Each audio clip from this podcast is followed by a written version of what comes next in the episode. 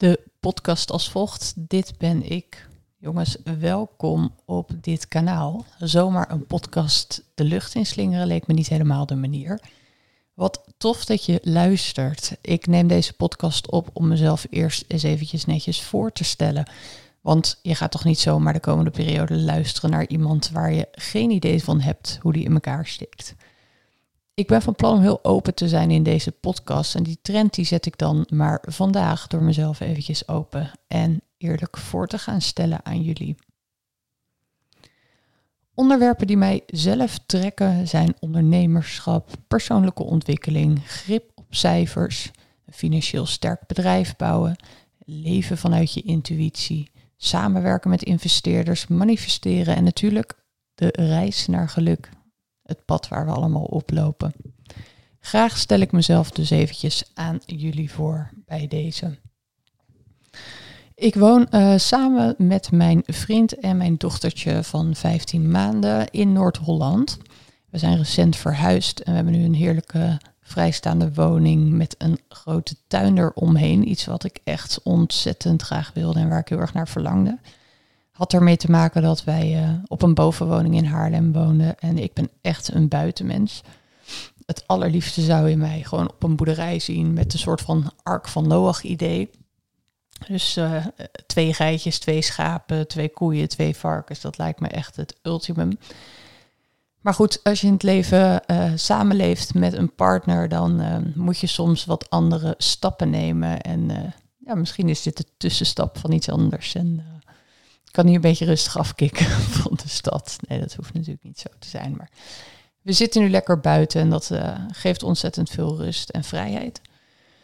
Um, ik neem deze eerste podcast ook op vanuit mijn eigen studio en die heb ik aan huis. Dus ik heb mijn kantoor ook aan huis, omdat ik heb gemerkt dat ik vanuit huis werken echt super lekker vind en super fijn. Ik ben niet iemand die uh, standaard van 9 tot 5 kan werken. Ik ga heel erg op intuïtie, op um, inspired actions. Dus ik kan in de keuken staan, aardappels schillen en denken: oké, nu wil ik dit doen, of nu wil ik een video maken, of nu wil ik aan mijn website werken. En dan kan ik bij wijze van spreken alles laten vallen om dat vervolgens te gaan doen. Heb ik natuurlijk wel geleerd om dat niet uh, altijd achterna te lopen. Dat gaat nou helaas niet. Maar ja, het werken vanuit huis en aan huis geeft me dus wel die vrijheid om uh, ja, er wel voor te kiezen om meer op mijn intuïtie te leven en dus ook te ondernemen en te werken. Um, we leven ook samen met een hond, een hond die ik al zo'n zes jaar heb. En um, ja, daar wandel ik heel graag mee buiten. Ik ben sowieso dus graag buiten, wat ik al aangaf. En uh, die hond die helpt me gewoon om s ochtends ook direct naar buiten te gaan. En uh, dat is heerlijk. De omgeving hier heb ik daar ook al goed in uh, verkend. Nou, ik ben opgegroeid in een uh, gezin van drie kinderen. Ik ben zelf de oudste. En ik uh, ben geboren in 1992 in Utrecht, in het ziekenhuis in Utrecht. Mijn ouders woonden toen in de Beeld en later zijn we naar Beeldhoven verhuisd, waar ik vervolgens ook ben opgegroeid. We hebben uh, het basisonderwijs gevolgd aan de vrije school, dus uh, antroposofische inslag. En daarna ben ik eigenlijk terechtgekomen op een uh, school waar ik ja, een beetje noodgedwongen op terecht kwam, maar wat echt compleet de andere wereld was. En ik kan wel zeggen dat dat een behoorlijk traumatische ervaring was. In die zin, zo kijk ik er tegenwoordig op terug, want het was echt een mega cultuurshock. Je moet je voorstellen dat wij uh, op de basisschool echt um, ja, eurythmieles hadden en uh, broodjes bakten op een houten tak en ja, over vuur moesten springen, liederen zongen, met engelen bezig waren, dat soort dingen. En uh, ja, ik kwam op de middelbare school met een heel ander slag um, ja, kinderen eigenlijk, hè, jongeren, die um, ja, echt gewoon een hele andere achtergrond hadden. En um, ja, ik kreeg gelijk een soort reality check. Want uh, wat er bijvoorbeeld was gebeurd, mijn fiets die was gestolen een aantal weken daarvoor. En ik uh, ging noodgedwongen alleen naar die middelbare school toe. Ik zal er later nog wel een keertje een item over maken hoe dat is gelopen. En wij moesten dus op kamp uh, moesten we gaan met elkaar op de fiets. En we stonden daar dus met drie brugklassen. In de rij om te gaan fietsen. En ik zag gewoon een jongen op mijn gestolen fiets. En ik zal je zeggen dat ik uh, tot op de dag van vandaag daar niet over gesproken heb. En het is uh, dat ik er laatst weer aan moest denken. Maar ik durfde gewoon niet iets te zeggen. Want die jongen zat dus bij mij in de klas. En ik dacht echt, ja, ik kom hier al alleen op school. En als het dan het eerste wat ik doe is uh, verklikken dat daar iemand is die mijn fiets heeft gestolen, dan ben ik echt gelijk of. Dus dat deed ik niet. En ik slaagde er dan ook in om uh, snel vrienden te maken. Maar het was een omgeving die niet per se de allerbeste voor mij was. En wat gewoon een hele grote cultuurshock was. Er werd uh, meteen al door kinderen gerookt. Die van de basisschool kwamen, die rookten al. En ja, al heel gauw kwamen er drugs in het spel en dat soort dingen. En um, ja, ik moet zeggen dat ik er ook allemaal in mee ben gegaan uiteindelijk hoor. Maar de overgang was in ieder geval wel, uh, ja, wel heftig en uh, noemenswaardig. Uh, van huis uit heb ik wel echt een super veilige omgeving gekend. Mijn ouders die zijn tot op de dag van vandaag nog bij elkaar. En ja, we zijn heel liefdevol opgevoed. En ik heb een hele goede band met mijn ouders en met mijn broertje en zusje ook. Dus ja, dat is, dat is iets waar ik heel goed op terugkijk en waar ik nog steeds dus heel veel van mag genieten. Um, na de middelbare school um, ben ik eigenlijk iets gaan doen wat met mijn hobby te maken had. Ik heb altijd uh, paard gereden in mijn uh, jongere jaren. Ik heb toen gekozen om naar Deurne te gaan. Dat was de paardenschool en de paardenopleiding van Nederland. En daar uh, ja, kon je dus met een paard terecht in plaats van met een rugzak met boeken. Daar heb ik uh, een opleiding gevolgd en ben ik als instructrice paardensport aan de slag gegaan. Dat was uh, toen ik een jaar of 16 was. Daar werkte ik ook al een hele hoop dagen in de week, uh, werkte ik daarbij. En nou, dat was hetgeen waar ik mijn dagen mee vulde. Um, toen ik 18 was, toen dacht ik van oké, wacht eventjes. Want het is niet echt een vetpot om zo, zo in de paardensport te werken. En misschien moet ik toch het bedrijfsleven gaan verkennen. Er waren eigenlijk twee opties. Of je moet in de paardensport gewoon een groot stuk land hebben, zodat je echt zelf iets kan opzetten. Nou, dat had ik niet. En um, ja, anders dan heb je gewoon een andere optie en dat is toch het bedrijfsleven ingaan. En zo heb ik dat paardensportgedeelte ook losgelaten. En uh, ben ik het bedrijfsleven ingestapt. Ik ging random solliciteren en kwam als uh, secretaresse op een advocatenkantoor terecht in eerste instantie op een procespraktijk en later ben ik ook op een kantoor uh, voor fusies en overnames gaan werken. En daar heb ik een hele goede basis gelegd qua communicatieve vaardigheden. En ik zag ook gewoon het uh, grote jongens uh, zaken doen eigenlijk. we zaten ook in een vrij open kantoor, waardoor ik de aandeelhouders ook de hele dag hoorde bellen. En ja, vond ik echt rete interessant. Heb ik ontzettend veel, uh, veel van geleerd en het heel erg naar mijn zin gehad. En uh, ook voor de business verder wel mijn motivatie uh, vast kunnen houden. Um, uiteindelijk was dat niet de plek waar ik de rest van mijn leven natuurlijk door wilde brengen en is mijn reis verder gegaan. En via een salesbaan ben ik zo als ondernemer begonnen. En ik was uh, 22, 22 jaar. Ik woonde in een appartementje in Haarlem. Ik had op dat moment een salesbaan en een groot netwerk opgebouwd. En ik kreeg de kans om in een franchise concept in een recruitment business aan de slag te gaan en dat uh, aan de slag te gaan. En dat was eigenlijk uh, ja, mijn eerste stap als ondernemer. Um, ik had toen ja, geen buffer, moet ik wel eerlijk zeggen. Het was een vrij impulsieve actie, maar wel emotioneel gestuurd. Dus ik stond er wel helemaal achter dat ik echt wilde gaan ondernemen uh, fulltime. En ja, daar ben ik er eigenlijk ingesprongen. En um, dat ging, dat ging. En ik uh, kon uiteindelijk mijn broek ophouden en mijn business verder uitbouwen. En uh, ja, zo ben ik in de hele wereld van arbeidsbemiddeling, ben ik mijn stappen gaan zetten. En al snel ging dat ook verder met personeel en met het uh, opbouwen van een team en het uh, opbouwen van een kantoor. En dat zat dus helemaal in de werving en selectie zien. En uh, ja, dat, dat was iets waar ik het heel erg naar mijn zin had ook. En ook in dat hele netwerk en sales stuk. Ik wist eigenlijk geen reet van ondernemen verder, moet ik eerlijk zeggen. Maar dat verkopen, dat ging wel. En dat zorgde toch voor brood op de plank.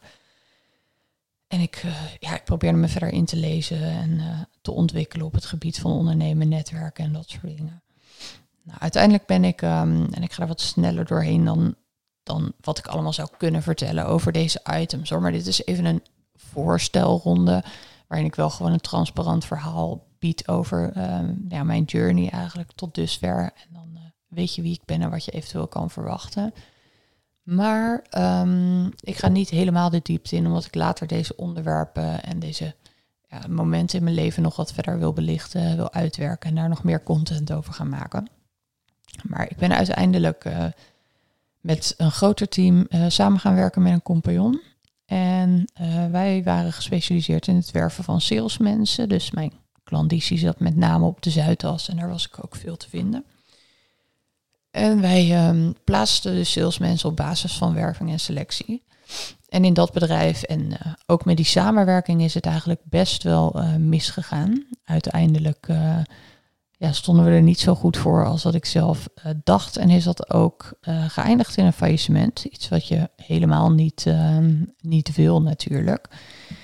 En dat is natuurlijk een ja, live event geweest, kan je wel zeggen. Iets in mijn leven wat eh, heel veel indruk heeft achtergelaten. En ja, wat me ook zeker gemaakt heeft tot, tot wie ik nu ben.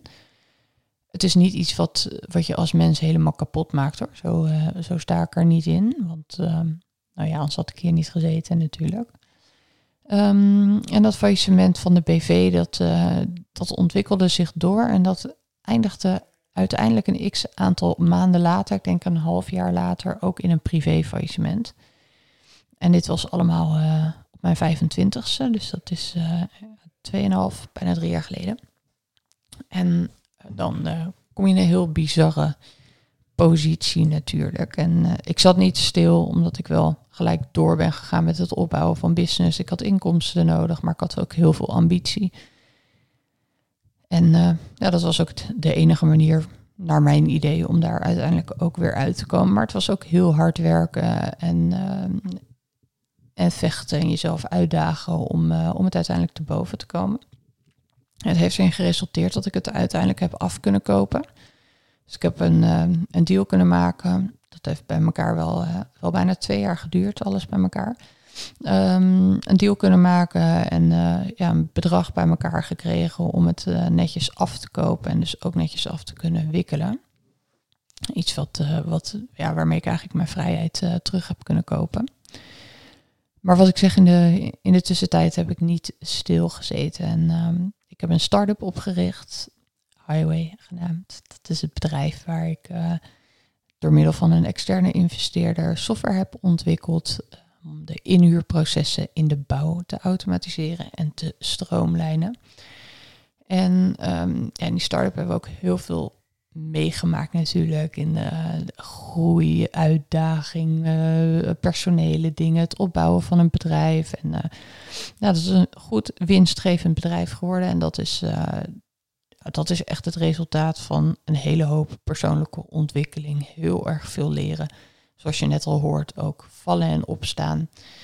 En het is uitgebouwd uh, tot een business met een omzet van zo'n 4 miljoen euro per jaar. Dus je kan je ook voorstellen dat het uh, de nodige verantwoordelijkheden met zich meebrengt.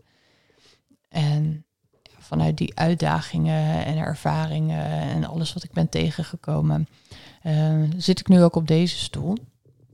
En dat, ja, dat is de stoel die ik eigenlijk zet naast mijn huidige business. Um, want wat ik doe is het um, ja, creëren van content. En met name op Instagram ben ik heel actief op dit moment. Maar daar komt de podcast, zoals je ziet, uh, nu dus ook bij. En er gaat ook een heleboel videocontent strakjes komen. En een heel mooi membership. Um, wat ik wil doen is eigenlijk al mijn levenslessen, mijn ondernemerslessen en de manier hoe ik het doe met jullie delen. En of je daar nou gewoon uit mijn gratis content inspiratie wil halen, dat mag. Of je met me in contact wil komen, mag. Of je één op één begeleiding wil, dat mag. Of uh, ja, lid wil worden strakjes ook van een membership in de toekomst, waar ik ook heel veel um, ja, waarde ga delen, heel veel kennis ga delen. Dat, um, ja, dat is helemaal in jou. Dat kan je later bepalen en daar kan je me in gaan volgen. Um, maar ja, in ieder geval in de content eh, die ik met jullie ga delen, zullen dus uh, allerlei dingen naar voren komen die ik zelf heb meegemaakt. Maar het is niet allemaal zwaar hoor, totaal niet. Want uh, ik heb een heel gelukkig en leuk leven op dit moment. En um, ja, juist ook die dingen zijn denk ik heel leuk om te delen. En ook de grappige dingen die bij zaken doen komen kijken. En de praktische dingen. En je hoeft ook zeker niet alles over te nemen van mij, hè, zoals, ik het, uh, zoals ik het doe. Maar zie het als een inspiratie om uh, je blik te verruimen en te verbreden. En te zien hoe anderen het doen. En daarin te kijken wat je ervan opsteekt. En dat is wat ik zelf eigenlijk ook ehm, het allerliefste doe. Het leven, studeren noem ik het wel eens. Dus ik ben ehm, wat dat betreft ook heel erg bezig met het volgen van inspirerende mensen. Ik lees erg veel, ik luister veel content en ja, daarnaast ben ik dus uh, druk bezig met mijn eigen persoonlijke ontwikkeling. Ik laat me ook intensief coachen zelf. Iets wat ik ook echt zeker iedereen kan aanraden. En ook over dat traject ben ik absoluut bereid om dingen te delen.